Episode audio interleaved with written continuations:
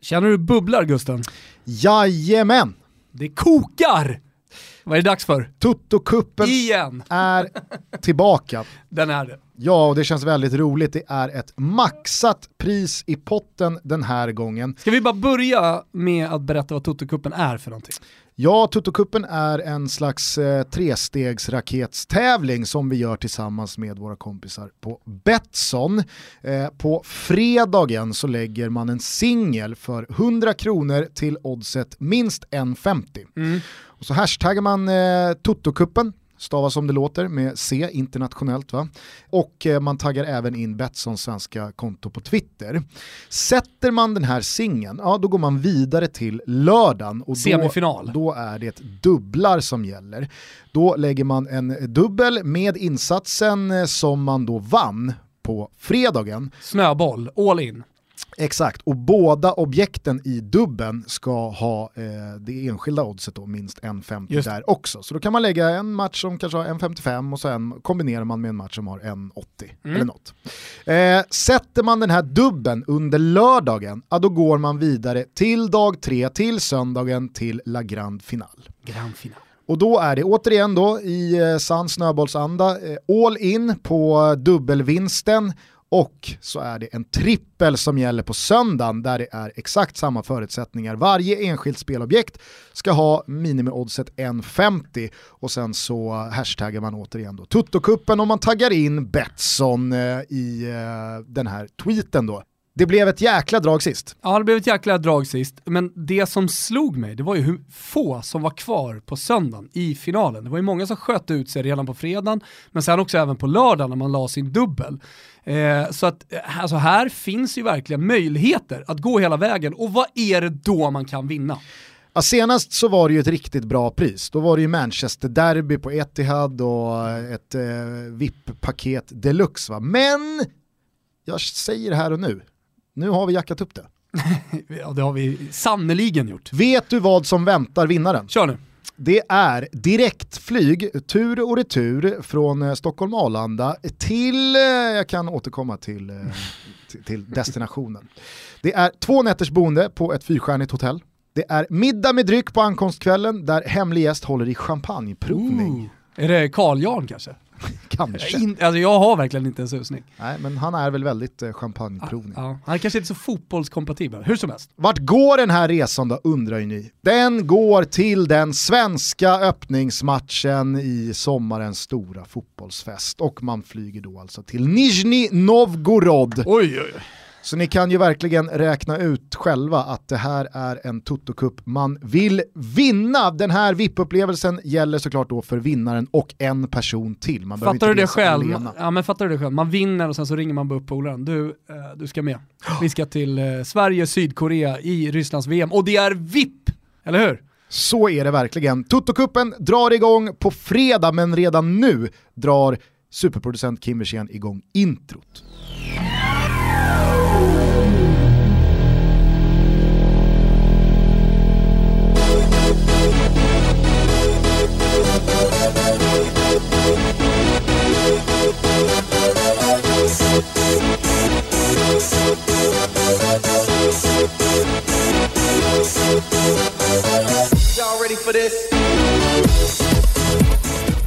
Då säger jag så här Gustav, jag säger varmt välkommen hem från Turkiet. Var, varmt välkommen till uh, den svenska sommaren. Tack. ja men det är ju härligt att komma hem. Ja verkligen. Ja? Verkligen. In i Toto-studion, du känner hur VM liksom knackar på dörren. Vi sitter och förbereder Tutski Balutski, vår eh, VM-podd som vi ska göra tillsammans med Svanemar. Kommer alldeles strax här eh, och vi sitter och blickar lite framåt och vrider och vänder på de olika lagen. Det är jävla kul. Verkligen, det är en speciell tid här, i synnerhet mästerskapsår. Allsvenskan är inne i ett eh, riktigt eh, tajt eh, skede med matcher mest hela tiden. Ligorna avgörs, det ska delas ut pokaler, det ska delas ut Europaplatser, lag åker ur, det börjar redan ryktas om spelare, tränare och så vidare som ska lämna. Eh, Europakupperna har bara finalerna kvar och det är ju då en massa spelare som eh, utifrån sina presens eh, verkligheter blickar mot VM. Mm. Alltså det är, det är verkligen eh, gasen i botten på men, alla sätt och vis. Men ett, ett tydligt exempel på att man tänker ganska mycket på VM just i de här tiderna, det är ju när Cristiano Ronaldo i El Clasico igår, eh, vi kommer återkomma till det såklart, men får eh, fot, han blir sparkad på foten och man ser att han vrider den ganska ordentligt. Det är ingen dålig vinkel på den där foten när han slår in 1-1. det, det är det sannerligen inte och det är klart att det är Champions League-final, det är jätteviktigt, men VM, när det ligger där borta, då, då, då börjar man nog som portugis bli lite nojig när man ser det där. Ja, jag tror Cristiano Ronaldo också var lite nojig Mm. eh, när han gick tillbaka mot Men det är ju mittcirkeln. sinnessjukt att han spelar i 30 minuter efter det där. Vilket ändå indikerar på att de har eh, koll på det, Såklart. men eh, såklart inga, inga utsvävningar här och, och chansningar. För det kan vi väl slå fast, det här är väl Ronaldos sista VM. Ja, man, man måste nästan tro det. Hur gammal är han? Han är 85 Han är ändå 85. Alltså man, jämför, man har ju jämfört honom de senaste åtta åren hela tiden med Messi i och med att de har krigat om den här guldbollen. Därför tänker man att de är ungefär, eller ungefär lika gamla är de men man tänker att de är lika gamla. Messi 87 va? Mm. Ja. Precis. Ja, men jag tror eh, med Ronaldo så är jag helt övertygad om att hans liksom, hela hans karaktär, hela hans attityd, hela hans eh, världsordning handlar ju om att han är bäst i världen. Mm. Jag har otroligt svårt att se Cristiano Ronaldo fortsätta spela fotboll i Europa om han skulle gå ner sig några procent, eh, procent och vara liksom en jättebra spelare. Nej, Inte bäst, utan jättebra. Det Exakt. tror inte jag han är så intresserad av. Nej, jag tjänar så mycket pengar och sånt där också. Däremot så har han ju en liten aura av det vi har pratat om tidigare. Alltså världsstjärnor, kanske till och med bäst i sin sport som lägger ner och sen börjar med en annan sport. Det har han ju sannoliken, Cristiano Ronaldo. Alltså, Tror vi du? har ju Michael Jordan som började med baseball, eh, vi, vi har pratat om det, det, det finns en hel del. Ludmila Enqvist som började med bob, Mm. eh, dopade bort sig, det var högst tragiskt. Men, men eh, Cristiano Ronaldo, vad skulle han då kunna, pingis kanske? Pingis? Ja, Nej. Kan man inte se honom Det var ju någon pingistävling här i, i dagarna. Nej, som av någon, om någon märklig anledning nådde in hela vägen på hotellrummet i Turkiet. Ah, ja. Kropparna som pingisgrabbarna sportar, det är inte Ronaldo, Och då var, då var det, det är många... Rena- det är inte Ronaldo-fysiken alltså. Nej det är, det- det är det verkligen inte. Jag menar, I Sverige så är ju hela, ja men den, den stora inspirationskällan till precis alla pingisspelare är ju Gio Waldner och han har ju aldrig haft en drömfysik direkt. Eh, Men, men Kan eh, bordtennis vara eh, idrottsvärldens minst hårprodukt-täta sport? ja, det är i alla fall uppe i någon slags topp tre-lista. Alltså Men- har ju inte Cristiano Ronaldo där att göra. Nej. Sen, är, sen är det ju alltid roligt att bordtennisspelare, vet du vad de gör? De försvarar ju alltid sin egen sport, att det är betydligt mer fysiskt än man tror. Mm. Det är lite som de här nya golfspelarna Gusten, nu är inte du en av dem. Eh, De, de är ju liksom också fysiska under, men jag tror ju fortfarande att det är bättre att se ut som John Daly om du spelar golf. Kanske. Ha lite ryggproblem och ta en virre för mycket. Så. Annars är väl den stora käpphästen för bordtennisspelare att pingis får för lite uppmärksamhet sett till hur många utövare det har. Bara för att en miljard kineser spelar i parkerna. Ja men vi har väl eh, den gamla klassiska svenska pingisspelaren Äpplet då, som rasade precis i Toto Baluttos linda. Ja det var väl det Eh, första avsnittet ja, kanske, exakt. när du trodde att äpplet hade dött. Lyssna gärna om på det avsnittet. Ja, Vila i frid Äpplet tror jag Ja. avsnittet heter. Eh, där listar väl Dagens Nyheter de hundra största idrottsmännen i Sveriges historia. Expressens lista kanske, eller så var det DNs. Ja. Och eh, typ Gio Wallner kommer sexa och Äpplet eh, var väl så här 58 eller något. Och han tappade för att eh, han tycker det är, det, det är en jävla det, det, är en, det är en direkt eh, överkörning av en så globalt mycket större sport, pingis, då, eh, än jäm, jämförelsevis med då hockey eller alpint som, som är en riktig jävla När alla i blåbärssport. hela Sverige ser äh, Äpplets raseri då, i sig att det var DN, tänker man bara lägg ner Äpplet. Du är inte bättre, var glad att du är med på listan. Verkligen. Vila i frid äh, Äpplet, Cristiano Ronaldo, det, det blir väl, vad heter det, som alla kör nu för tiden? Eh, crossfit, det är det han kommer hålla syssla med. Du, eh, ta oss vidare då, ska vi köra ett svep? Ja, gärna. När motivationen börjar tryta ute i Europa och spelare flanerar runt på resesajter snarare än att fokusera på nästa match blir det lite speciellt. Dock finns ju också det totala motsatta. Lag och spelare som desperat försöker bärga en Europaplats eller kriga för precis varje poäng för att rädda klubben från den pinsamma förnedrande hoppet ner i andra ligan. Det märktes inte minst när Huddersfield körde gasen i botten mot Peps profiltäta City. Fotboll handlar långt från bara om klass och det blev tydligt när Huds fick med sig en pinne. Där nere i botten krigar just nu Southampton, West Brom, Swansea och kanske också nämnda lag. Det har ju också blivit en smula spännande i kampen om Champions League, Gugge, där Chelsea vaknat efter en otroligt svag vår. Det är inte troligt, men det är möjligt och större mirakel har ju faktiskt skett. Högdramatiskt även i Italien. Jag misstänker att alla satt och kollade på El Clasico, men samtidigt spelades en betydligt mer spännande match mellan Roma och Cagliari. Med just desperationen och en fylld kurva i ryggen slet sarderna och de skickade långt. De sprang med mjölksyran sprutandes ur precis varenda hål i kroppen. Men det ville sig inte. Nu ser det tungt ut och det gör lite ont i mig. Tillsammans med Kevo, Crotone, Spal och Odinese, tänka sig inleds nu finalerna. Två stycken till antalet och lita på att det blir ett äkta italienskt fotbollsdrama innehållandes precis alla ingredienser som gör den här sporten så jävla fin. I CL-racet gör Lazio och Inter upp om den sista platsen. Och tänka sig, hörni, de möts i den sista omgången på Stadio Olimpico. Mamma mia! Vackraste bilderna hämtar vi annars från Luigi Ferraris i Marassi-distriktet där Giuseppe Pepito Rossi kom tillbaka och gjorde sitt första mål i Serie A sedan eldkvarn brann. Det finns ingen aktiv i fotbollsvärlden som krigat så mycket med den ständigt positiva inställningen och tron på en återkomst på planen som Pepito. Tänk på det när det går tungt hörni och bakslagen avlöser varandra. Tänk på Pepitos fotbollskarriär, alla operationer, alla dödsdomar och på hur han flög nere på Amarassis grönaste gräs. Slutligen, samtidigt som Marseille, Monaco och Lyon gör upp om medaljerna bakom PSG så gjorde Super Mario Balotelli ytterligare ett klassmål. Där har ni nästa gubbe som folk avtackat med dödsrunor egentligen sedan han började sin karriär. Strulgubbe, strulpelle, hit och dit. Så tänk även på det hörni. Super Mario. Det går alltid att resa sig. Med hårt jobb och tro på sig själv finns möjligheter. Peace! Peace alltså. Bottna, bottnar inte riktigt det eller? Ja, du bottnar väl okej. Okay. Ja. Eh, du bottnar ju sannoliken i dina Pepito och Balotelli-pooler. Där är du ofta och simmar. Ja.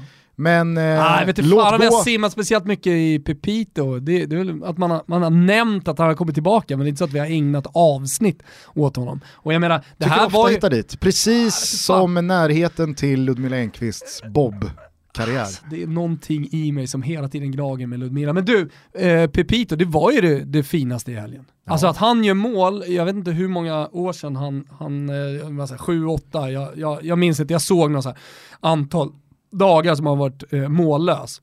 Men kriget tillbaka, det finns ju, ja, om, du, om du tänker tillbaka liksom på antal knäskador och att ja, åldern börjar ta ut sig rätt och så vidare det är, ju, det är ju spelare som har fått en sån här knäskada som har svårt att hitta tillbaka till liksom, sin egen topp. Mm. För jag menar, det är där jämförelsen ska göra. Ta Radetinac i Djurgården här nu, som många så här, ah, det, det gör ont igen att se att han inte flyger på samma sätt. Sen så kanske det kommer, jag hoppas verkligen på det. Och jag tror att det kanske tar lite tid att hitta den där extra speeden, det som alltid har gjort honom speciell en mot en och sådär.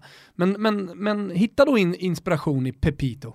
Ännu eh, starkare pannben ju på Jasmin Sudic i Häcken som nu är tillbaka. Ja. Var med i truppen här mot eh, Trelleborg senast. Eh, det är väl fjärde gången korsbandet ryker så att, eh, det är Pepito-nivå. Jo men det är åter den här jargongen som finns i fotbollsvärlden. Äh, han är slut. Ja, hur går det för honom? Äh, slutet. Andra knäskada. Det är ingenting av det där. Ja, det behöver inte vara så alltid.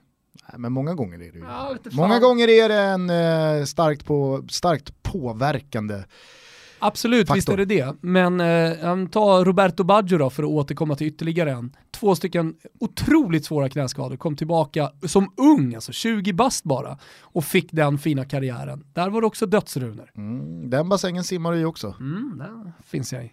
Eh, jaha, du, eh, du valde att eh, för, eh, förbise den allsvenska helgen. Ja, jag känner lite så här med allsvenskan, vi ska prata om det och så vidare, men de här svepen nu i slutet på säsongerna, de står sig jävligt fina ut av allsvenskan tycker jag.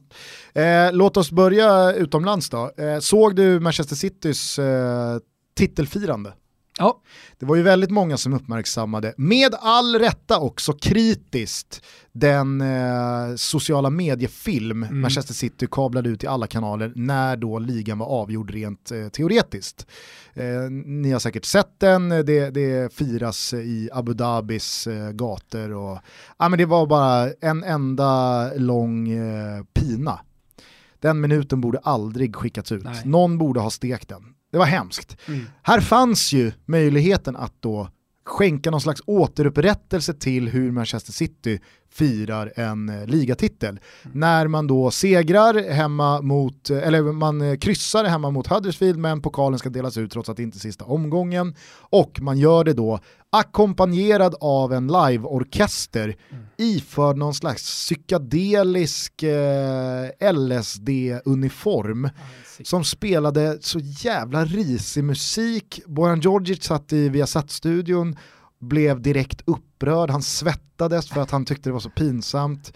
Niva försökte liksom skoja in det i mål, att det här har någonting, men det var verkligen, eh, det var fel på alla sätt och vis, igen. Mm. Ehm, Sen så har ju Pep Guardiola prisats väldigt mycket här nu senaste tiden för att han är så inkluderande i att alla i hela Manchester Citys organisation ska då känna sig delaktiga i det här ligaguldet. Och det verkar han vara, vara väldigt bra på och lyckats med. Alla var ute på plan i staben där med t-shirtar och matchtröjor. Sen när de då ska lyfta bucklan ser du att då Sinchenko firar lite för hårt och välter bucklan. Ja.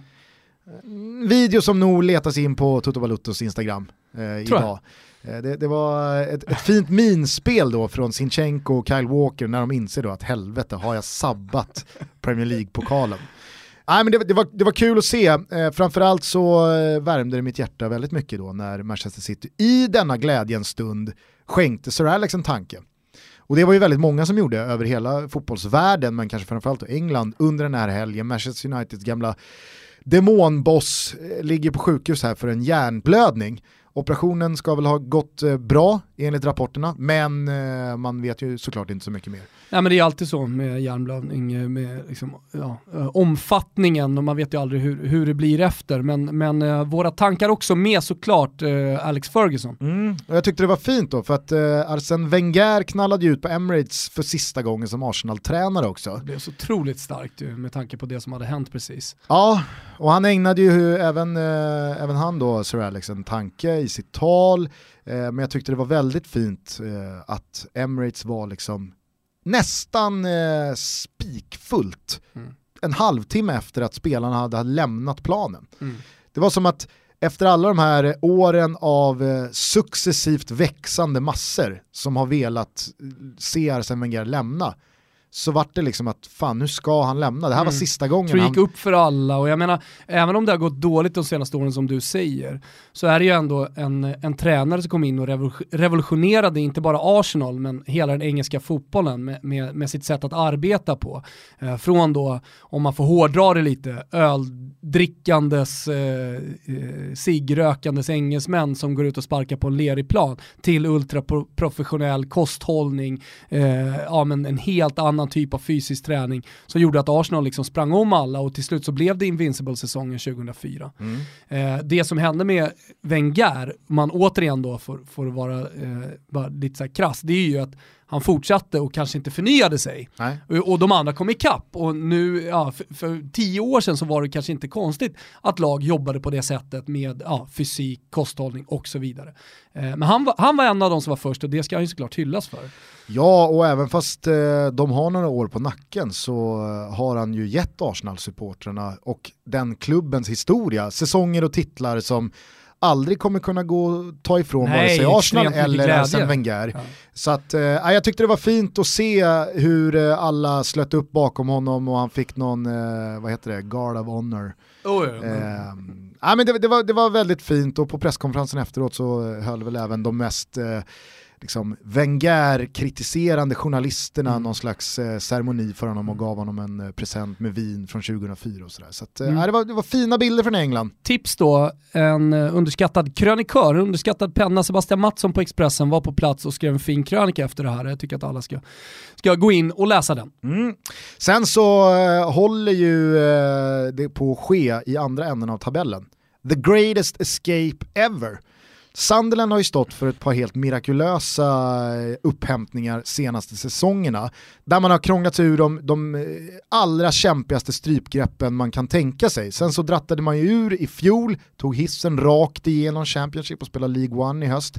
Men att West Brom på riktigt har ett läge att klara sig här nu, det är helt jävla sanslöst. Eh, nya tränaren eh, Morris heter han va?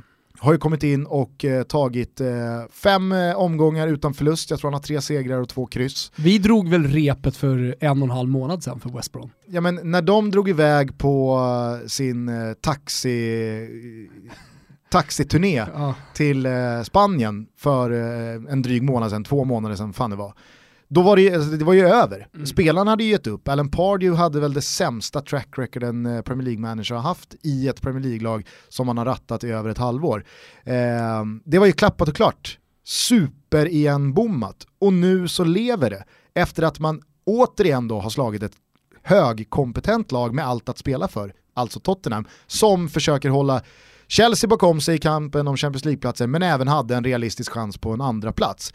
Nu är det ju liksom, alltså att, att West Brom kommer ha det här levande till sista omgången. Aj, aj, Han är great escape, alltså, och där... Ja, men skulle de lösa det här? Ja. Nu behöver de ju hjälp från både två, tre och fyra olika håll. Det är väl Stoke och Swansea och Southampton och alla inblandade lag.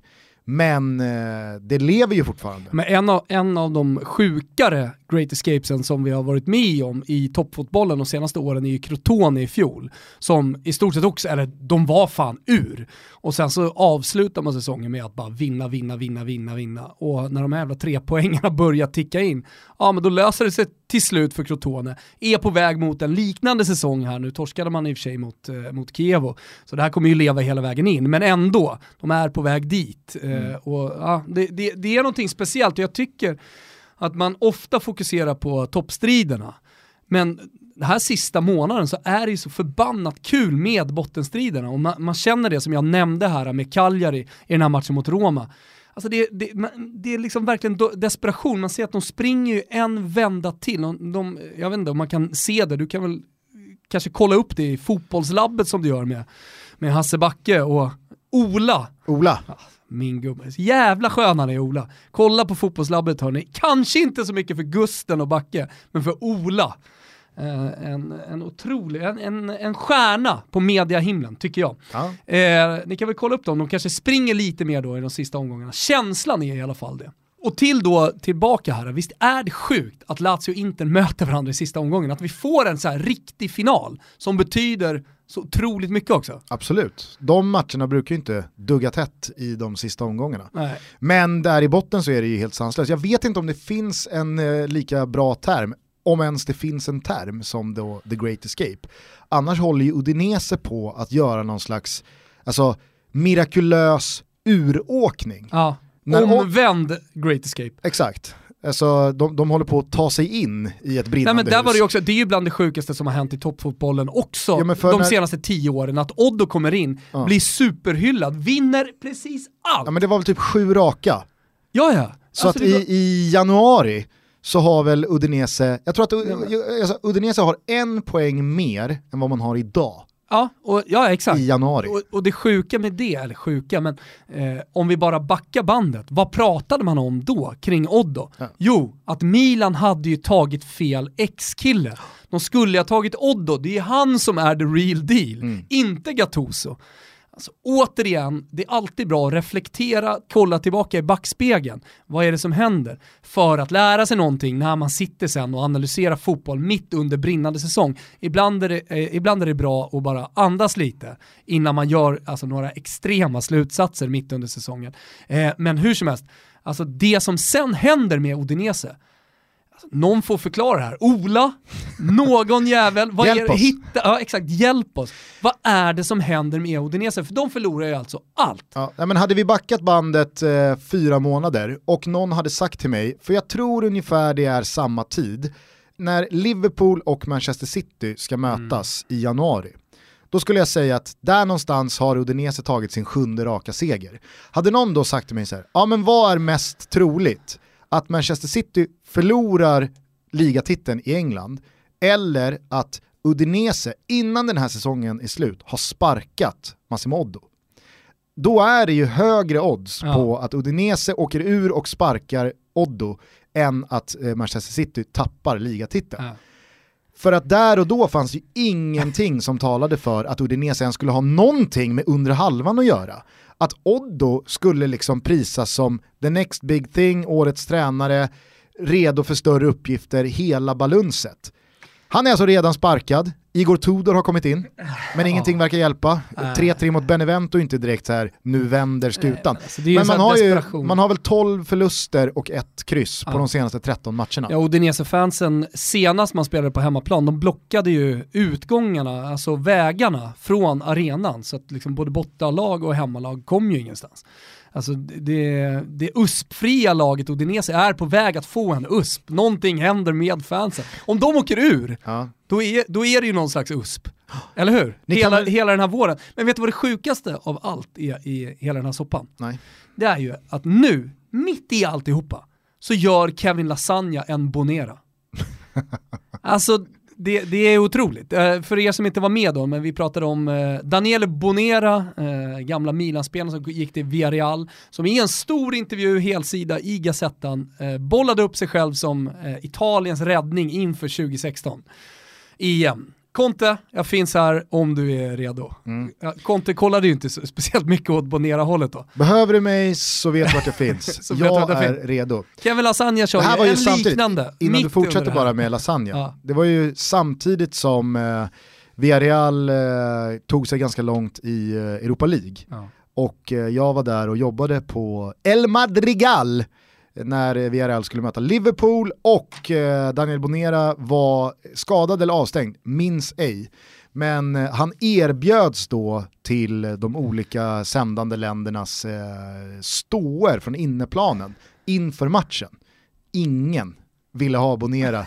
Liksom, ja, här, har vi, här har vi med oss Daniele Bonera Ja. också. Vill, vill ni ha honom, sve- svenska Discovery? Eh, ni Nej. kan få ha med Daniele Bonera om ni vill från inneplanen. Nej, Nej, jag tror vi, vi, skippar vi det. hoppar det. Bucklan, ja ah, Bucklan för fan. Bucklan Vi vill vi gör ha. en ståa med bucklan. Bonera då? Nej, nej, nej, nej. Det, är, det är bra tack. Det är bra tack. Ja, han, liksom, han gick från alla så här små ståbord och Nej, inte här heller? Nej, nej okej. Tjena, nej. Det var sorgligt att se. Ja, hur som helst så bollar han upp sig själv i alla fall till det italienska landslaget här nu, Kevin Lasagna. Mitt i då eh, brinnande nedflyttningsstrid. Det är så märkligt läge att göra Ja, också. Okej om det hade väntat ett VM. Ja. Men han menar då inför eh, Na- Nations League. Ja, otroligt, otroligt. Ja. Ja, ja, hjälp oss eh, med eh, en eh, benämning på det Udinese håller på att göra här. Alltså en great escape fast från andra hållet. Mm. En rejäl uråkning, eh, någonting i eh, den stilen.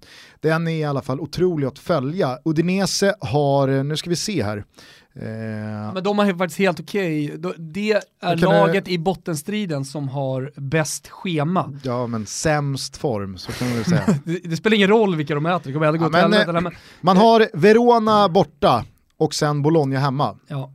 Eh, och då ska det väl ändå eh, sägas då att eh, med två omgångar kvar av Serie A så ligger Spal på 14 plats med 35 poäng. Mm. Kievo ligger på 15 plats med 34 poäng. Crotone ligger på 16 plats med 34 poäng.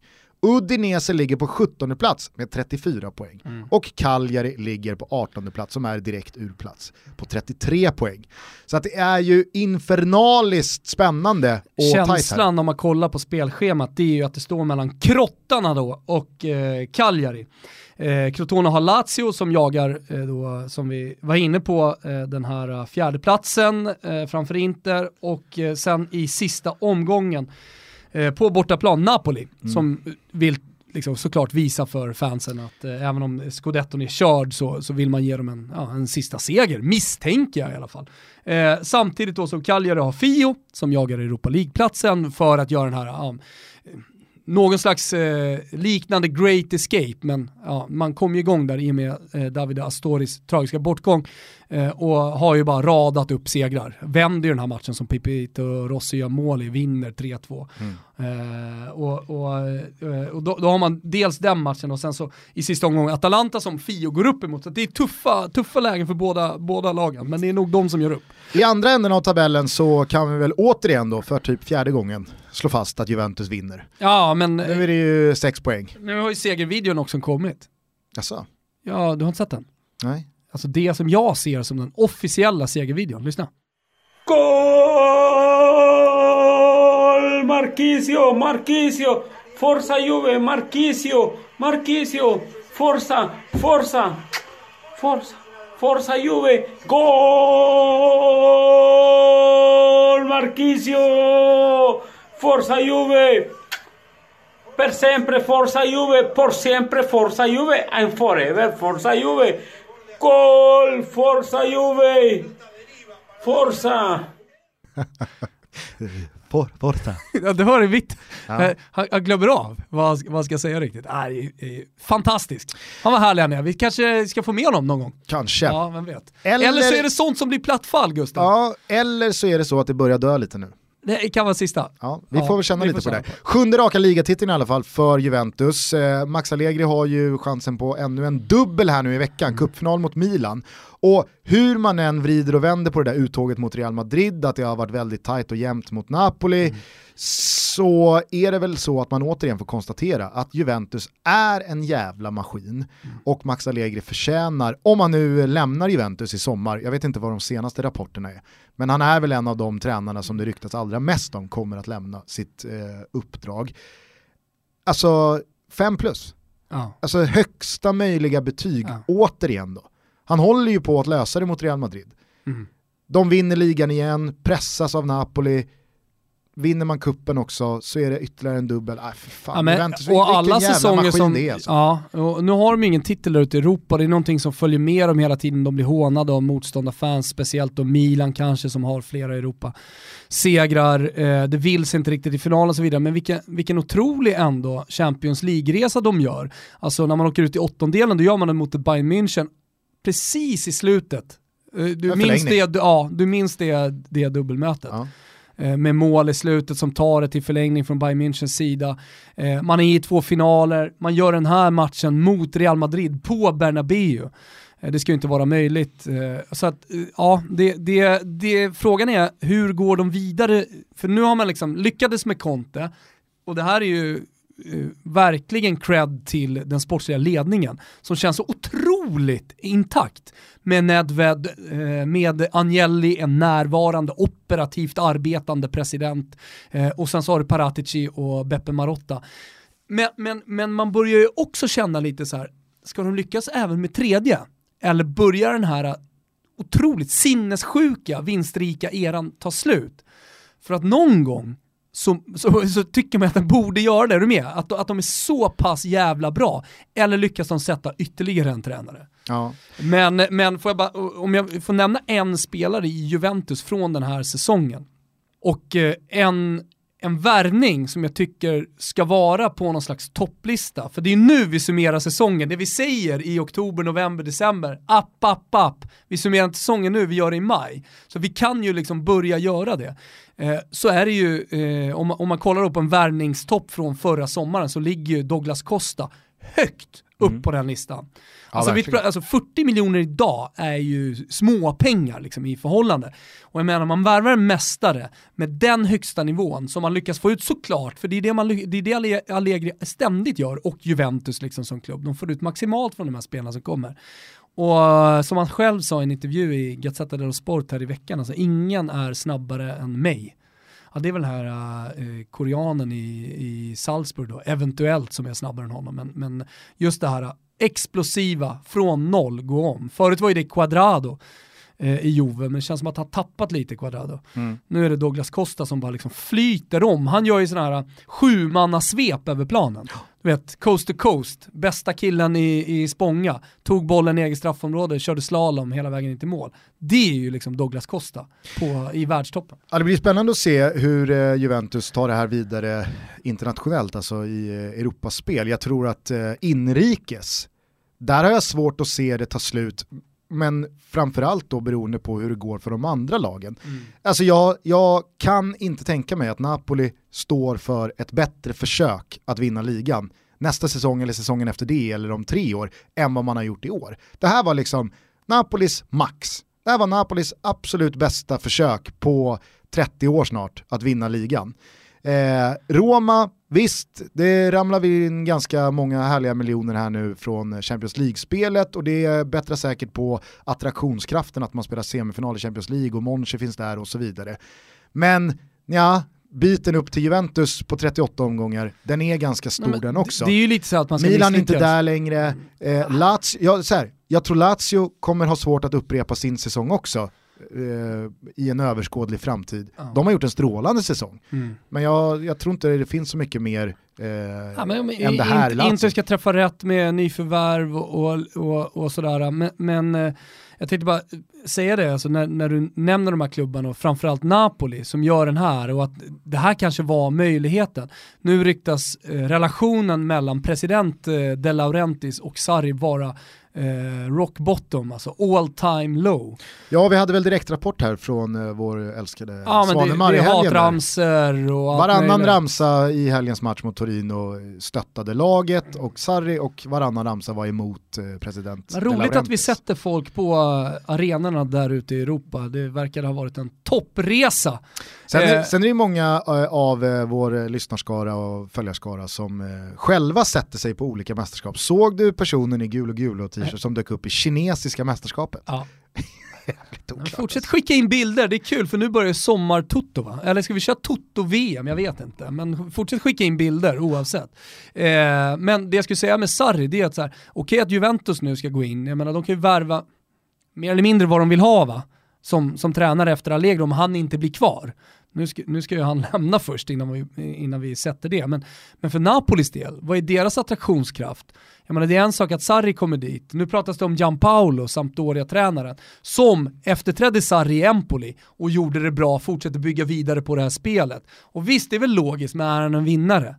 Ja, och vad händer med spelartruppen? Alltså, Exakt, Mertens rykta, det är många brittiska klubbar som är ute Koulibaly efter honom. kommer nog eh, rycka sig ganska mycket. Ja men många, det, det är liksom så här, Hamsik blir ju kvar, den eviga kaptenen där, men, men alltså jag, jag tror att det enda som kan få Napoli att fortsätta på det här, det är att De Laurentiis verkligen öppnar bankvalvet, men det har han ju inte varit sugen på tidigare. Ja, förutom när det ska till en liten aktieutdelning Oh, till, till familjen. Då jävlar. Då jävlar öppnas Då är det sysslingar och kusiner och hela faderullan alltså. Då står valvet på vid gavel. Ja, Hur mycket vill du ha? Här har du 30 miljoner euro. Ja. Jag tar 50. Ja, då var ju Morattis eh, sätt att dela ut pengar till folk betydligt mer charmigt. Där var det liksom Friends and Family och deras vänner och vänner som anställdes in i Inter, alla möjliga. Det var ju världens nätverk som satt på payrollen liksom. Eh, bara för att han, eh, han, han kunde liksom och Ja. gav dem det. Ja, hörni, eh, ni kanske undrar varför vi eh, är eh, så mycket i den italienska fotbollen, men det är ju så att eh, många länders ligor känns ganska svala och pyspunkade och har så gjort ett par veckor. I Italien lever det verkligen, så vi kan ju rekommendera dem som behöver sin fix av internationell fotboll och spänning att följa de här två sista omgångarna av Serie A och ta det hela vägen in i sommar då med alla rykten som eh, omger både spelare och tränare. Det puttrar på den apenninska halvön.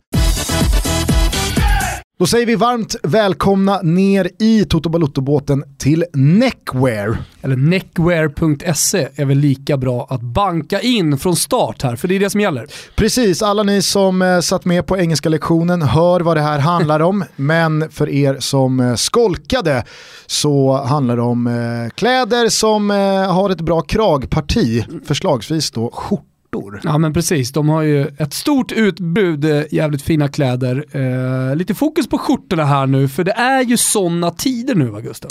Student, bröllop. Ja, jag pratade med en mamma till en eh, tjej i mitt fotbollslag igår. Hon jobbar med blommor. Hon sa det, jag är ledsen alltså, men jag hinner inte ner till träningarna. Jag måste jobba över hela tiden för det är så otroligt mycket blombuketter i dessa tider. Och det är ju viktigt att man ser till att man har den fetaste skjortan.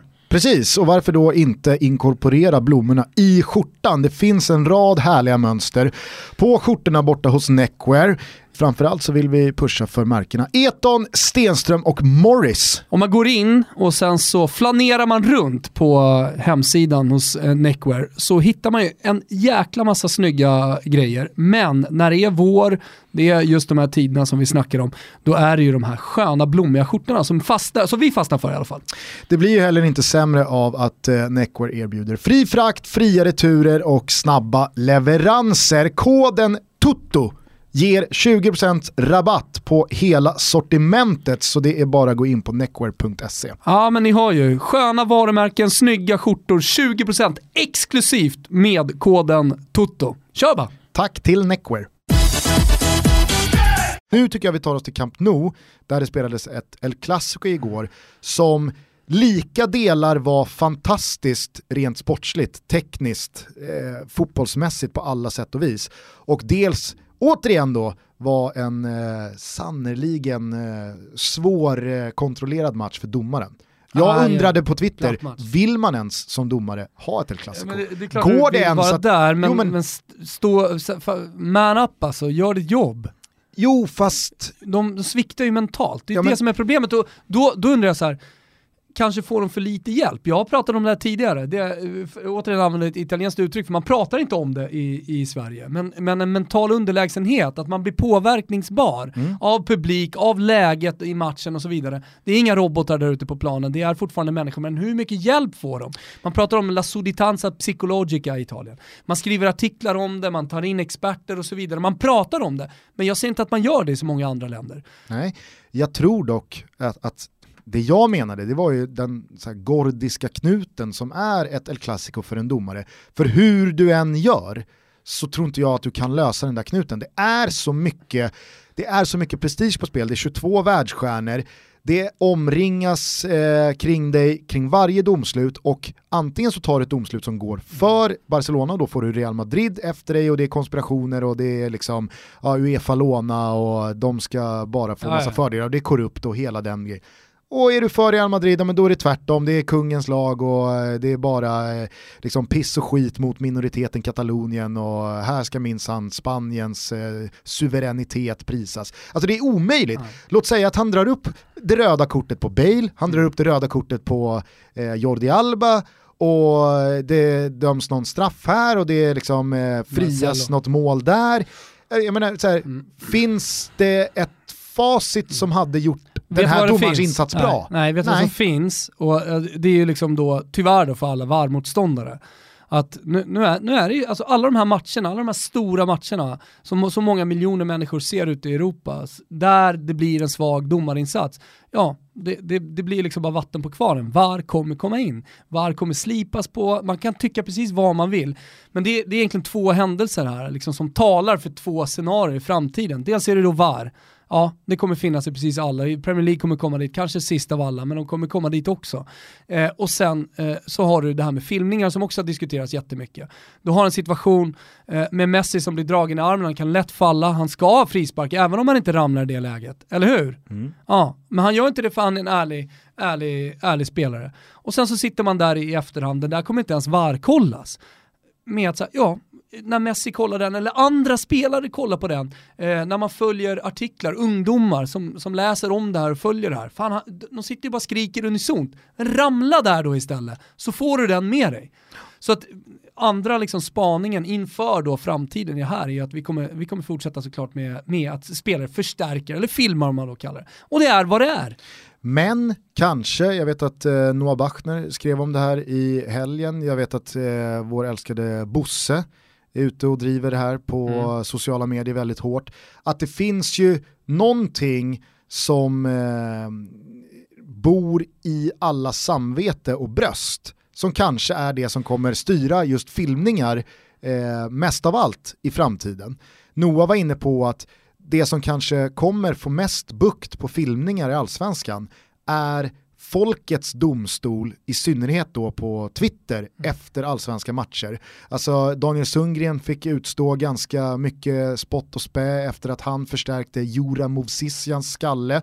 I derbyt några veckor senare så var det Jesper Karlströms tur att förstärka en situation i derbyt mot Bayern och då blir han eh, utskrattad, hånad, stämplad och Djurgårdssupportrar själva kommer med uppsträckningar till Jesper Karlström att sådär gör vi inte i Djurgården. Jag såg igår Mohamed Salah filma när eh, han går in i en duell med Gary Cahill som tydligt då markerar att jag svingar inte ens mitt ben, armarna utåt, men eh, Salah har redan eh, påbörjat sitt dyk för att försöka vinna den här frisparken. Och eh, han får ju skit i tidningarna idag, eh, Jürgen Klopp gick ut efter matchen och sa att det där vill jag inte se i mitt lag. Alltså, kanske är just filmningar en del som VAR inte ska stävja varje gång det sker utan bara i då sekvenser. Det kommer inte. Nej såklart, för det går inte. Nej. Men kanske kommer då folkets domstol, den liksom böden, Nej. förändra en del hos spelare Nej. att, tror du inte? Nej. Inte ens på svensk nivå? Nej. Tror du på inte att... Vet du vad? På kort sikt, uh, i skallen på Karlström och Sundgren, absolut. På lång sikt, absolut inte. Utan då kollar man snarare på situationerna som hände med Messi. Han ramlade inte där, jag hade ramlat där. Ja. Absolut inte. Ja, kanske. Alltså det, det, det är en fin svårt. tanke, det är en fin tanke och det finns många emot. Men vad handlar fotboll om i, i slutändan Gusten? Att vinna. Exakt. Och vad gör man för att vinna? Allt. Exakt. Ja. Ja, alltså, det behöver du inte förklara för mig. Nej, men, och, men, nej, men jag, jag säger ju nej. Jag... Du bollar ju upp en tes här ja. från Bachners krönika. kommer aldrig hända. På kort sikt, individuellt hos vissa spelare, på lång sikt, absolut inte. Nej, jag, jag vet inte. Plus, för, för det kommer, det kommer alltid vara fall där det är förstärkningar. Alltså det finns ju en stor nyanspalett ja, ja. här, Gusten. Vissa, ja, vi kan, jag menar så här, alltså, jag, jag, herregud, inte, jag, jag, är den största förespråkaren av alla på att det finns en skillnad mellan filma och förstärka. Ja, ja. Nej, men, ja, och, jag menar, och jag menar bara så här, då kommer det någon gång, för det, det handlar om så snabba beslut. Ja. Att så här, ja du kanske förstärker den, får med det, ja vi tvistar, var det en förstärkning, var det inte? Ja men då kommer även de här andra delarna eh, på paletten de andra längst ut kommer ju såklart finnas kvar om det här i mitten finns. Det är ju på något sätt om man skulle ta bort allt, men det kommer vi inte göra. Vilket betyder, alltså det, det är så snabba beslut det här. Och, och återigen, det handlar om att vinna. Så, jättefin krönika, bra tanke, härligt att Bosse drar någon race om att, att vi ska vara ärliga och alltihopa. Men nej. Nej. nej. Vet du vad allt kokas ner till? Att man vill vinna. Nej, det kokas ner till att nu är jag så här. Ja. Vad gör då du? ja, exakt. Man ställer frågan till domaren. Ja, ja, Det kommer alltid vara så. så, så, så att, bra försök hörni gubbar, men uh, här sitter jag som förmodligen har fotbollsmedias i Sverige klaraste framtidsblick och ger er facit. Den är grumlig bakåt dock. Kan vara grumlig bakåt alltså. Arkivet fram, är grumligt. Framåt är det jävligt klart här ska du veta Gusten. Mm. Sitter med en sån skarp kikare här. Två grejer bara från eh, den här El Clasico-matchen då, ytterligare. Jag tycker att... Eh, Ingen äh, analyserar framtiden som jag. Nej, så Nej. är det nog. Så Nej, är det nog. Bara så att vi är klara på det. Bättre eller sämre, det lämnar vi därhän, men ingen analyserar det som du. Inte såklart. Nej. Två grejer till bara från El Clasico. Eh, noterade du att eh, Real Madrid inte ställde upp och eh, applåderade mästarna mm. som eh, traditionen då tillstår i La Liga? Bra! Du gillar det? Jajamensan. Varför då? Antagonism. Behåll antagonismen så mycket det bara går alltså. In i, in i döden, pratar mycket om döden, men in i döden alltså. Bevara antagonismen. Ja. Det är förlorat! Jo, absolut. Sam Stå upp och vara värdiga, förlora och så vidare. Återigen, vi kände inte för det. Nästa gång kanske de gör det, den här gången nej. Det, det är väl klart, det, det, Men det är de har ju precis det. spelat en match där det har varit så här. De kan, de kan väl liksom sen i omklädningsrummet gå, Nej, gå och nej, nej, applådera. nej, alltså innan matchen. Jaha, ja det missade jag. Ja, Nej, men i, I Spanien, det är väl samma sak i England tror jag. Ja. Vet inte hur det är i Italien och Tyskland och Frankrike och andra länder. Jag vet att det i alla fall inte är så i Sverige. Jävligt svårt väl? att se Inter ställa sig och Inter eh, liksom spelarna ställa sig upp och applådera mästarna. Ja, Ah. Nej, jag, jag vet, jag, alltså jag med. Fan, jag ska spela match här, fokus på den. Ja, jag tycker också att eh, det, det, det är att ta liksom... Stå där och hålla på och buga och bocka och pussa på fötter precis innan man ska spela en stentuff El Clasico 90 minuter. Jag blir vansinnig som supporter. Ja, ja, jag tycker också att det är att ta det lite för långt. Precis som det som skedde här nu, eh, kanske framförallt eh, exemplifierat av Ronaldo i Turin när han gör the goal. Alltså cykelsparken och Real Madrid vinner med 3-0. Att bortasupportrar applåderar, vet inte riktigt om jag gillar det Ja, men, heller. ja, men, här, om Ja, men det jag har så kommer jävla spontant, svårt Men att vad, se mig själv ifall, alltså så här, ifall eh, Sverige spelar en otroligt viktig match, Ja, låt men- säga ett VM, och så är man på plats, eller det är VM-kval och det är vinna eller försvinna för Sverige. Jo, och så gör liksom Arjen Robben sitt Jo, livsmatch. Fast vet du vad Gusten? Så jävla svårt Jo, att se mig kliva upp på Allting har att göra med just den matchen. Vad är vi i för läge i den här matchen? Det händer så sällan. Vi var inte på plats, vi kände inte av känslorna som fanns inne på Juve Stadium, precis som vi inte var på plats när, El, eh, när Santiago Bernabéu ställde sig upp för, för eh, Ronaldinho i ett El Clasico. Alltså, det, det där är någonting som bara sker. Och man kan varken kritisera, hålla med eller hålla emot om man inte har varit på plats och känt det. Det går inte att utifrån blicka på det här, för det är någonting som händer där. Ja, ja, absolut. Det Men här jag går så- inte ens att prata om. Alltså. Fast du sa ju precis att du inte hade ställt upp och applåderat. För du har bestämt att nej men då är det fokus på det här. Men det är om man säger lite så här, På ett sätt lika hypotetiskt. Nej, det är det absolut inte. Nej. Det är en helt annan sak. Det Här ska man spela, annan ja här ska du spela 90 minuter precis innan. Men låt oss säga så här då, i ett helt, här, här förstår jag verkligen dem. I ett helt annat läge, i en annan verklighet, eh, när matcherna betyder någonting annat, förstår du vad jag menar? Då kanske det kan hända till och med att spelarna applåderar, fan vet jag. Men, men i det läget, inför det Clasico, då, då, då kan jag inte se det. Men som sagt, återigen, vi kan inte diskutera det som händer på Juve Stadium. Vi kan inte göra det. Och du kan inte, du kan inte ens jämföra. Du kan inte hitta en jämförelse med Roma, med Sverige, eller några som du, som du hyser extremt starka känslor till. För du var inte där. Nej, jag försöker inte söka någon jämförelse heller. Jag sa bara att jag har så jävla svårt att se... Klart men, man har Ja men för att precis... Det och det är därför det händer så Ja men sällan. precis det ordet du inledde alltid med, så här, antagonism, härligt, bra.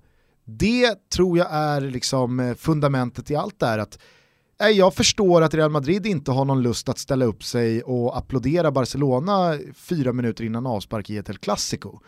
Men jag kan också förstå att även fast en spelare har excellerat och gjort en exceptionellt bra insats och gjort två eller tre eller fyra mål eller vad fan det är, så hade jag aldrig liksom så här sett ner på någon eller kritiserat någon som inte ställer sig med de stora massorna och applåderar en spelare i ett lag man avskyr eller föraktar och man kanske har eh, liksom samma känslor för spelaren i sig.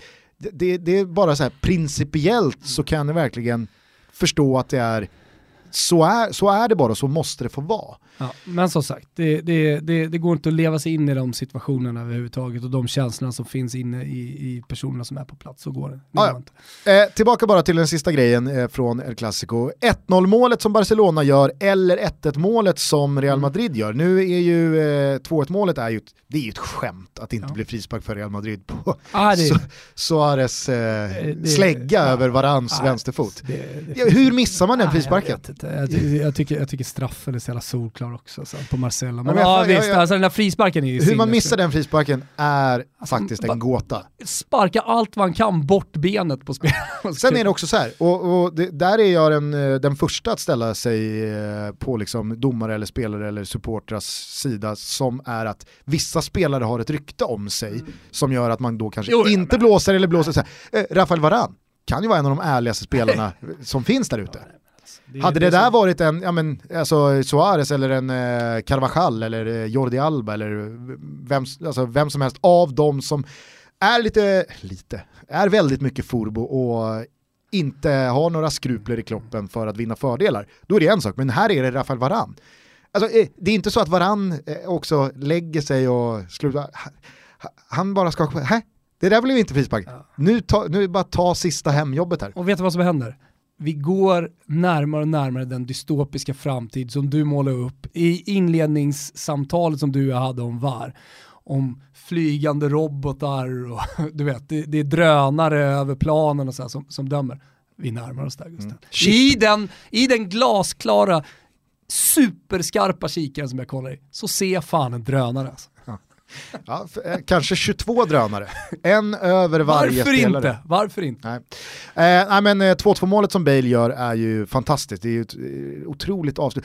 Någonting liksom gör mig glad också att Gareth Bale går hyfsat starkt. Ja. Alltså han är värd det. Mm. Han har ju fått väldigt mycket skit, framförallt eh, av sina skador och att han inte är fit nog och sådär. Men jag, jag, jag säger att Bale har en en, han har en vår till i sig. Exakt, han har en till vända i ja, sig som absolut världsklass. Ja det tror jag också. Eh, kanske inte Real Madrid, men skitsamma.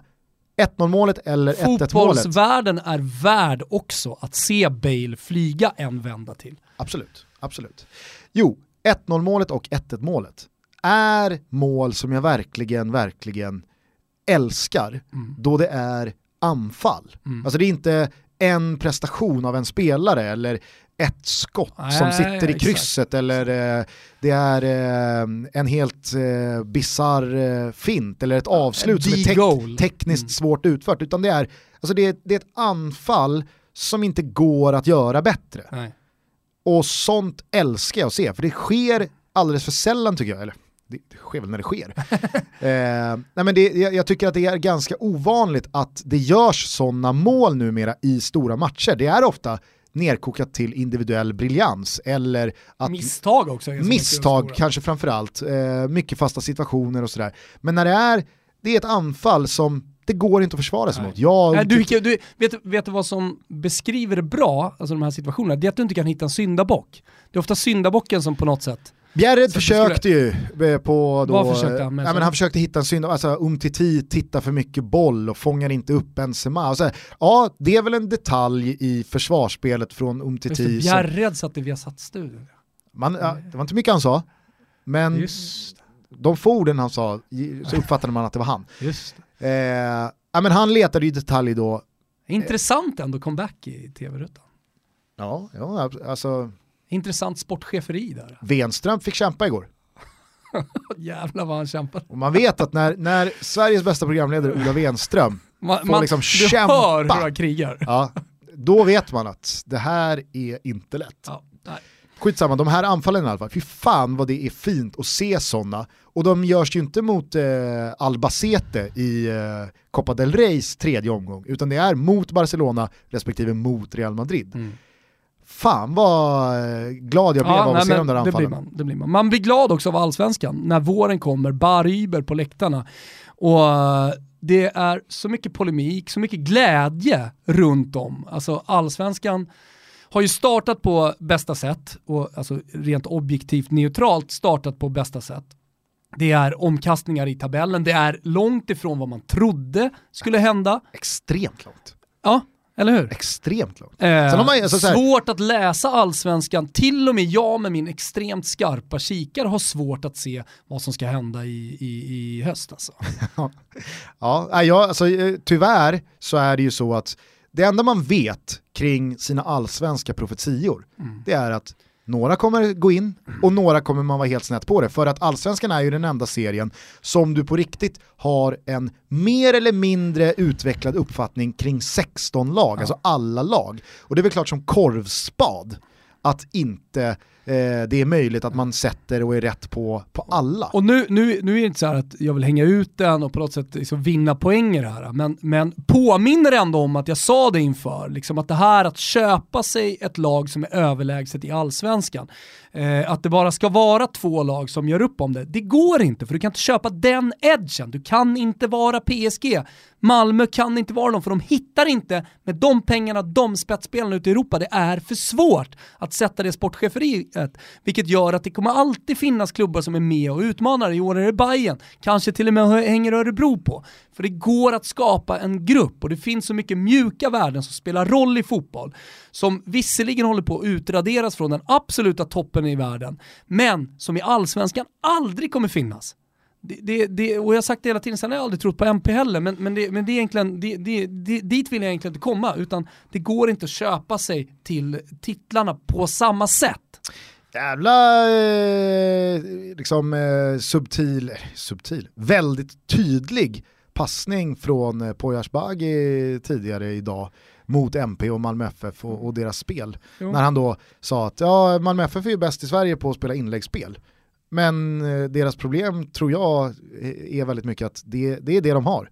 Så att eh, tar vi bort deras inläggsspel ikväll så är hälften vunnit. De möts ju Malmö FF och, och eh, IFK Göteborg. Så det, det, var, det var en eh, syrlig eh, fackla som kastades av eh, Blåvitt-tränaren. Återigen, återigen, allsvenskan brinner och det är så jävla härligt då med eh, tränare som Poja som kan prata helt öppet och utan att lägga band på sig. Ja. Det är också ovanligt. Jag vet inte hur många drular man ska vädra eller hur många eh, spaningar man ska räkna in, men jag kan ju försöka balansera upp då eh, lite av eh, mina profetier. Jag trodde ju till exempel att eh, Östersund absolut skulle liksom, vara med och racea om guldet hela Där vägen. Där var man rätt på det också. Där var du rätt på det. Eh, jag var ju, eh, jag, jag var ju Bayern. till skillnad från många andra, så var, var jag otroligt skeptisk till Djurgården. Alltså, trots deras kuppspel och den här initiala vinsten bortom mot Östersund, ja, det, det, såg ju väldigt bra ut defensivt. Men jag var långt ifrån imponerad. Jag... Kan vi ta med oss några grejer från det här avsnittet nu och alla som lyssnar? Alltså gör inga stora analyser av försäsong. Och då fick jag emot mig, och kanske du också, jag, vet, jag minns inte exakt hur, hur, hur eh, du mottog då reaktioner på det vi har pratat om. Men, det här, oh, men Svenska Kuppen, det är visst tävling, det är nu tävlingssäsongen ska vara igång. Nej, det är det inte! Nej, Nej. Det, det, det är försäsong. Det är väl någon fusion? Ja men det är klart att det är någon fusion, men, men, men hela, eh, all, allting handlar om att dra inte för stora växlar på det i alla fall. Nej, Även om det är en fusion, dra ja. i, alltså, vänta med att dra dem. Alltså mm. tro på det du tror istället då. Alltså tror du på Djurgården i det läget, hämta inte hem något där utan vänta då tills det har gått några omgångar mm. eh, in, innan, innan, man börjar liksom, eh, summera saker och ting. Och det är klart att vi inte ska göra det här och nu. Men, men, eh, men det är i alla fall också en lärdom tycker jag. Nej, men både du och jag, vi, det, alltså, nu har ju ingenting, eh, alltså, någonting har ju hänt, men det är långt ifrån klart. Men både du och jag var ju ganska övertygade om konkret, och det kan vi bevisa med våra allsvenska säsongstips, att vi har ju Bayern eh, betydligt högre upp i tabellen än vad vi har Djurgården. Ja. Eh, båda två. Och det var vi ju ganska alltså ensamma det som är med Bayern, Det som är med Bayern att de kan göra saker magiska. Alltså de kan ju med supporter, man får allting med sig i början, vilket de har fått. Vinster i 91, både i derby, bortafight mot, mot Göteborg. Om man får allting med sig, ja men då kan man lyfta och så mm. kan man rida, man kan flyga eh, hela vägen in till, till en titel. Så det är klart att Bayern är med där. Vatten på min kvarn har jag även fått eh, kring att Sirius eh, får det tufft. Mm. Eh, var man ju eh, tidigt ute på det också. Trellehulla, det var ju ingen eh, raketforskning att de skulle parkera långt ner i tabellen. Men det finns ju överraskningar också i den här starten. Sundsvall och Örebro. Mm jag kunde inte för mitt liv tro att de skulle gå så här starkt. Örebro med en ganska så här intetsägande trupp, absolut intetsägande silly season där det liksom, ja, ingenting har eh, spetsats till den här truppen som i fjol kändes ja, lite ganska... Det, lite det Axén sa när han var och gästade oss också, att ja. Ja, men Örebro vill, alltså klubben och ledningen, de, de drar upp powerpoints och vill att vi ska vara med och kriga om Europa. Eh, jag känner inte att vi riktigt har spelarmaterialet, men kanske fanns det där då på något sätt, eller? Mm. Ja, kanske. Ja. Eh, men eh, vad det gäller Sundsvall, där var jag helt övertygad om att här kommer det förslitas för varje poäng. Det inte trodde inte de. Inte minst för att eh, de balanserar på en slak lina ekonomiskt. Jag var helt övertygad om att det skulle liksom ta överhanden. Mm. Nej, det, det, det, finns inte fokus på rätt saker, det finns en för dålig spelartrupp eh, i, i Giffarna. Men vi påminner väl då återigen om eh, att på upptaktsträffen när Linus Hallenius skickade in en bild på den samlade expertkårens eh, tabelltips i Giffarnas WhatsApp-tråd så gick ju spanjackerna bärsärkagång och skickade bilder på knivar och facklor och pirater att nu jävlar ska vi visa dem, så att de har ju onekligen något jävla bra på gång. Sen så trodde jag absolut inte att Nannegubben hade det här i sig med detta Kalmar. En sak hade ju varit ifall Rasmus Elm hade varit fit och kry och redo för 90 minuter i varje omgång, men det är han ju inte. Jag har ju aldrig fattat det där, jag, jag, jag har ju aldrig riktigt vetat, jag har ju förstått det, men jag har aldrig, aldrig sett det själv, förmodligen för att jag har sett alldeles för få matcher med Rasmus Elm, men jag har aldrig sett hans, den här enorma storheten. Jag fattar det, återigen, jag fattar det, men jag har aldrig sett det själv personligen. Därför har jag alltid svårt Och sen han kom tillbaks, tidigare såg du det Nej. Menar du det? Ja, alltså i landslaget så här, någon gång flög han väl någon match, men ofta var det, kändes det så här, nej. Ja. Visst, jag ser någon slags teknik och någon slags grund, men jag ser inte det, det där, det lilla extra, för det måste sitta här uppe Gusten. Mm. Ja, nej, jag håller med dig om att eh, de landskamper alltså, han skrapade ihop, vad kan det vara, 30 stycken till antalet? Där var det inte jättemånga där han eh, dominerade och visade wow, men alltså, vilken Det är det jag menar, var, var, är det han har visat det då? Nej, men jag tycker, alltså så här, de inte jättemånga, men få matcher man såg med CSKA.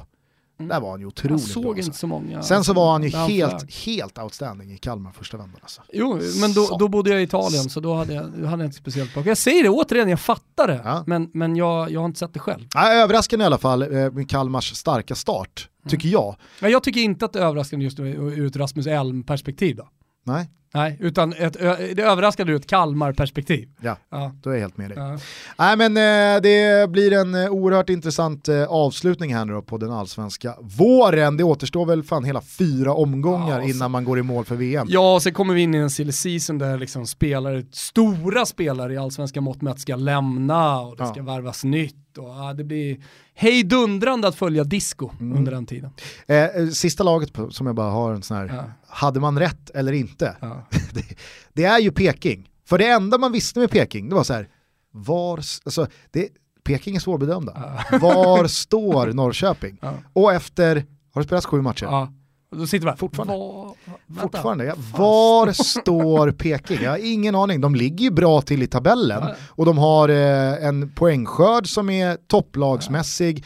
Eh, senaste matchen mot Östersund, jättefin. Ja. Men de har ju också insatser där det är så här, kanske fick de med sig två poäng för mycket i den här matchen. Spelet ser inte speciellt bra ut.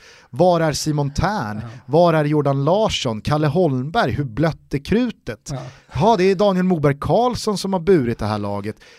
Så att, ja. det, är, det är Norrköpings tabellplacering och inledande sju omgångar är verkligen så här, vad är Peking för lag? Ja. Var har vi dem? Kommer de börja rasa eller kan, ja. kan de växla upp här nu? Men, jag vet fan alltså. Du, på tal om det och en slags avslutning här Gusten. Ja men vi måste ju bara kort till Grimsta. Ja absolut, okej. Okay. Ja. ja. vi tar oss dit då. Eh, alla... Som i och för sig hänger ihop med det här så det blir bra. Ja. ja men alla såg eh, säkert någon slags rubrik och då kan vi väl säga då gulasch till alla då medier och eh, personer som dundrade ut, eh, för det finns ju, det kan ju inte minst du vittna om, en, en ganska så ohälsosam pushkultur. Eh, att det, det, viktigaste är inte att ha rätt, det viktigaste är att vara först. Eh, när då matchen mellan BP och eh, Djurgården avbryts i eh, slutet på första halvleken, lagen tas av banan och Eh, det som kommuniceras är att eh, linjemannen har fått en flaska inkastad i eh, huvudet. Mm. Och då blir det ju såklart liksom läktarskandal och jävla huliganer och det, det var väl ganska många som drog slutsatsen att ja, den där flaskan kom ju inte från BP-supportrar utan det var ju Djurgårdssupportrarnas eh, bedrövliga beteende som återigen ska eh, mm. dra ett jävla pissigt skimmer över vår älskade allsvenskan och så vidare och så vidare. Det var ju svarta september all over again. Men några minuter senare så visade det sig då att nej det är ju Stinsen va, som har löpt in i en funktionär hållandes i en plastvattenflaska. Ja, men det är väl så här, han får en smäll och sen så när han vaknar till lite då, så ser han, det ligger typ en flaska där. och då tänker han, jag har fått en flaska i huvudet. Ja. Det är väl det som händer då. Ja. Ja. Men på de ganska så svårtydda bilder som Simor ändå kunde kabla ut. Det är inte eh, så att det är kameror överallt som i Premier League. Nej, nej, precis. Men den kameravinkeln som har fångat här, typ den enda kameravinkeln som har fångat här, det är ju då från motsatt sida mm. av linjemannen. Så att det man ser är en linjeman som löper med någon slags backlinje. Han ramlar inte, det är ingen uppenbar smäll, mm. eh, han går inte ner på liksom, knä eller någonting efteråt, utan man ser bara en linjeman löpa längs Nej, han segnar inte ner. Nej, nej, utan helt plötsligt, det så här, aha, vad, vad ska man ha sett av de här bilderna? Det jag inte förstår, och det som också ska ha en jävla gulasch, vem ja. den nu ska landa på, är ju hur den här matchen avbryts. Mm. Vem, alltså, vem känner att det är läge att avbryta matchen? Mm. Jag, jag, tycker att det är så sjukt att den tillåts avbrytas. Och alltså, herregud, jag har full förståelse för att linjemannen springer in i en funktionär och han, han håller i en vattenflaska. Ja, det kan väl ske, uppenbarligen. Mm. Men när det då har skett, hur kan det sluta med att lagen tas av banan och matchen avbryts, fortsätter i något slags domarrum, går det ens att fortsätta spela? Mm. Jag fattar inte det. Det är väl bara så här, jaha, är det lugnt? Mår ja, du bra? Ja, ja, för fan, jag, jag fick, fick en smäll där, men ja. alltså jag, jag sprang in i, i, funktionären, som rimligtvis har väl sagt till linjemannen, ja. hur gick det? Du sprang in i mig och min vattenflaska här. Jaha, åh fan. Ja. ja, jag fick en liten, eh, fick en smäll där över nacken eller eh, huvudet eller vad fan det var. Men Herregud. ge mig en halv minut bara. Det var som du skrev på Twitter, alltså, det, är, det är så jävla allsvenskt detta. Allsvenskaste som har skett sen Oskar Lewicki valde att hoppa över en omgång för att skulle gifta sig. Vet du vad som också var allsvenskt? Peter Gerhardsson frågade bara, va? Ja. Det, vad fan det, menar du Oskar? Nej men jag gifter mig. Har du planerat ett bröllop i fjärde omgången i Allsvenskan när vi möter ja, Helsingborg borta? Ja, nu, nu blev det så. Det är så jävla sjukt. Ja. Men du, ja, du får ledigt. Vet du vad som är allsvenskt också? Det är ju det som hände i Champions League semifinalen, när flaggan eh, går sönder för linjedomaren. Åh oh, herregud vad kul det var. Flaggan ligger och han står upp och vinkar upp så här. Nu vet ju vi och alla som lyssnar på det här att de har liksom en knapp så det piper till ja. hos domaren. Liksom. Ja. Så Surrar. Det, egentligen så är det så här, den här flaggan, den är väl mer för publiken som ser att han, ja. han drar upp det. Men, det finns ju en ändå... domare i Allsvenskan, eh, Pansic. Han har ju de bickarna. Men alla andra domare som ser ut att ha otroliga överarmar, det är ju då den dosa som man döljer med tröjan, ja. som då linjemännens knapp på flaggan indikerar genom ett bzzz. Det är där den sitter. Mm. Eh, men det var ju sanslöst på Anfield när han tappar ja, själva tyget, Anfield, ja, tyget i flaggan ja, ja, och står och viftar med en naken plastpinne. Det är allsvenskt. Det, det, var ja, det var, det var väldigt allsvenskt. Nu från en gulasch måste vi komma till en schnitzel. Ja, eller? Eh, och du ska alldeles eh, strax eh, eh, få dra den. Jag, jag ville bara säga det då att jag hoppas att den här incidenten kan få vara lite prejudikat för den här ganska så alarmerande pushkulturen då. Vänta, att vänta, chilla... jag, kollar, jag ska bara kolla kikan här. Nej.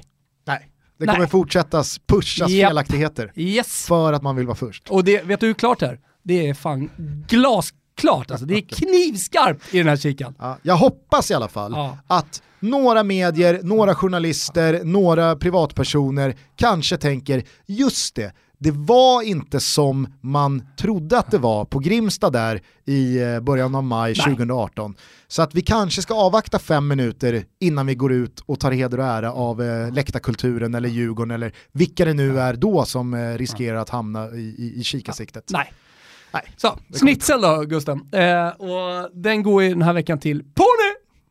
Vi har ju, vad har vi på, på den här typen av schnitzlar? Vi har Cristiano Lucarelli, vi har eh, Riccardo Zampagna, den stora Ternana-supporten som under liksom, professionell fotbollskarriär åkte med Ultras på bortamatcher och så vidare.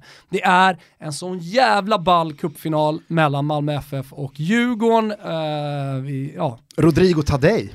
Rodrigo Tadej, jag var på den matchen, uh, han spelade väl i Perugia då va? Uh, och, så, och, så, stod han i Kurva Sud.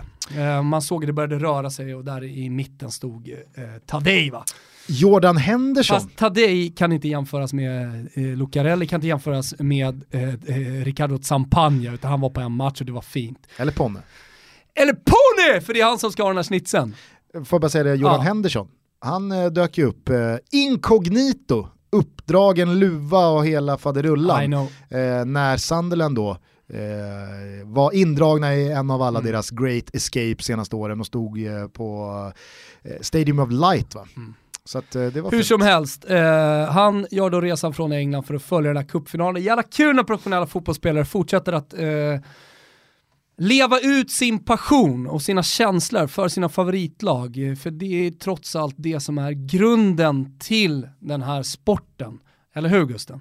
Så Verkligen. schnitzel, en väl utbankad österrikisk potatissallad, kalvschnitzel till Porne! Hoppas han kommer förbi studion om han har tid då, mitt emellan hans pregame, hur han nu kommer följa den här uh, finalen. I Stockholm går den ju, på torsdag. Ja, jag hoppas i alla fall att det blir en jävla bra match. Ska du och, eh, kanske jag ska. Mm. Det kanske jag ska, jag har inte så jävla mycket planerat torsdag kväll. Så att, eh, absolut, Djurgårdarna är, det är väl rimligt. helt med, liksom, de gillar inte mig så bra just nu. På tal om Djurgården bara, snabbt. Eh, vad tycker du om att Öskan ber om ursäkt för insatsen? Vi har ju gjort oss lite lustiga över eh, Bayern, eh, Bayern, Bayern, Bayern, Bayern, Bayern, Bayern. Bayern, ja ja. Och deras då kryss mot Ljungskile i Superettan för några år sedan när man då går ut på hemsidan och ber om ursäkt Mm. till eh, supporten att förlåt för att vi inte slog Ljungskile. Det blir ju liksom, tycker jag, ganska skevt eh, gentemot Ljungskile. Ja. Och det kändes som att det var lite halvt samma läge den här gången. Att eh, hade motståndarna den här insatsen hetat eh, Häcken eller eh, Elfsborg Visst. så hade inte Öskan bett om ursäkt. Men nu heter de BP, de är tippade att åka ur, de är nykomlingar, eh, de har knappt någon publik, eh, det finns liksom ingenting att skylla på i motståndarväg.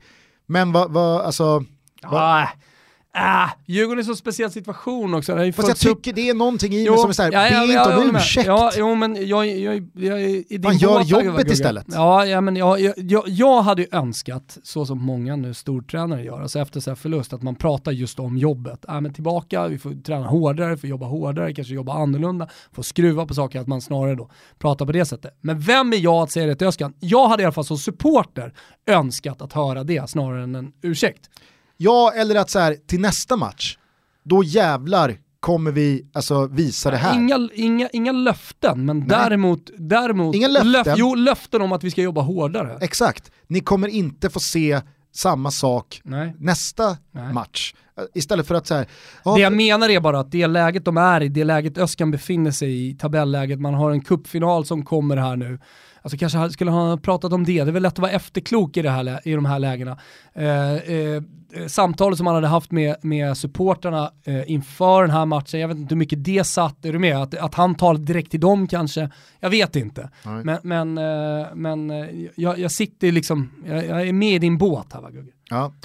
Eh, be heller inte om ursäkt för att ni lyssnar på Toto Balutto. Fortsätt höra av er. Eh, Vi tycker att det är så roligt när det dimper ner mail och eh, hejarop på sociala medier. Inte minst då, då från eh, alla era eskapader runt om i världen iförda Toto Balutto-tröjor.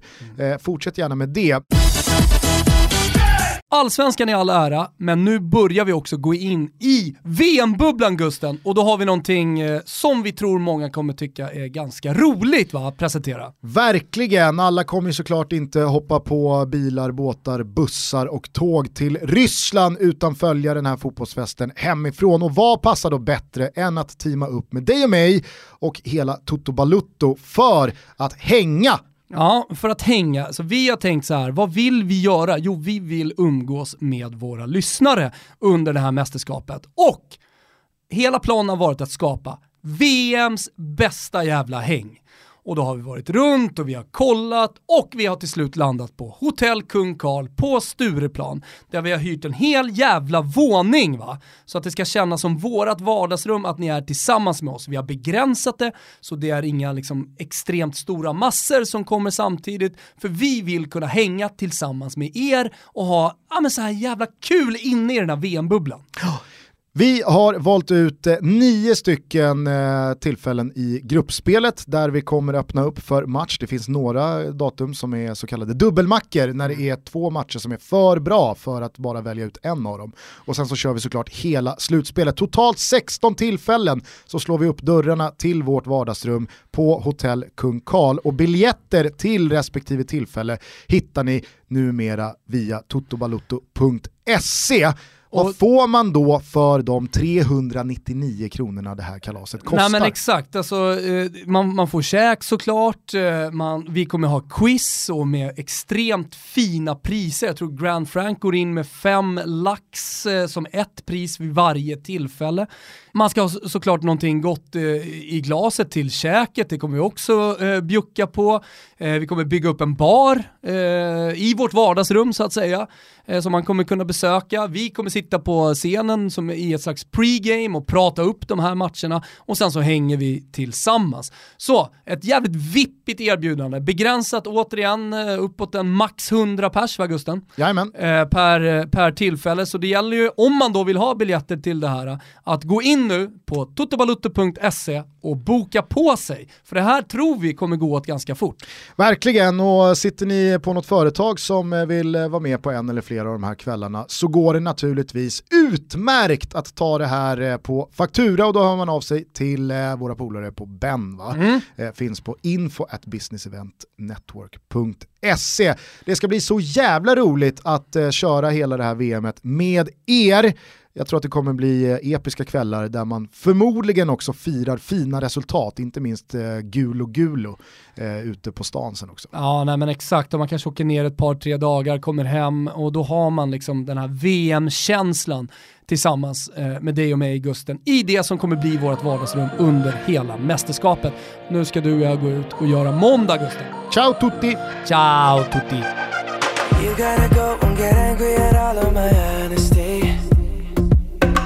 I try, but I don't do too well with apologies. I hope I don't run out of time, cause someone call a referee. Cause I just need one more shot, have forgiveness.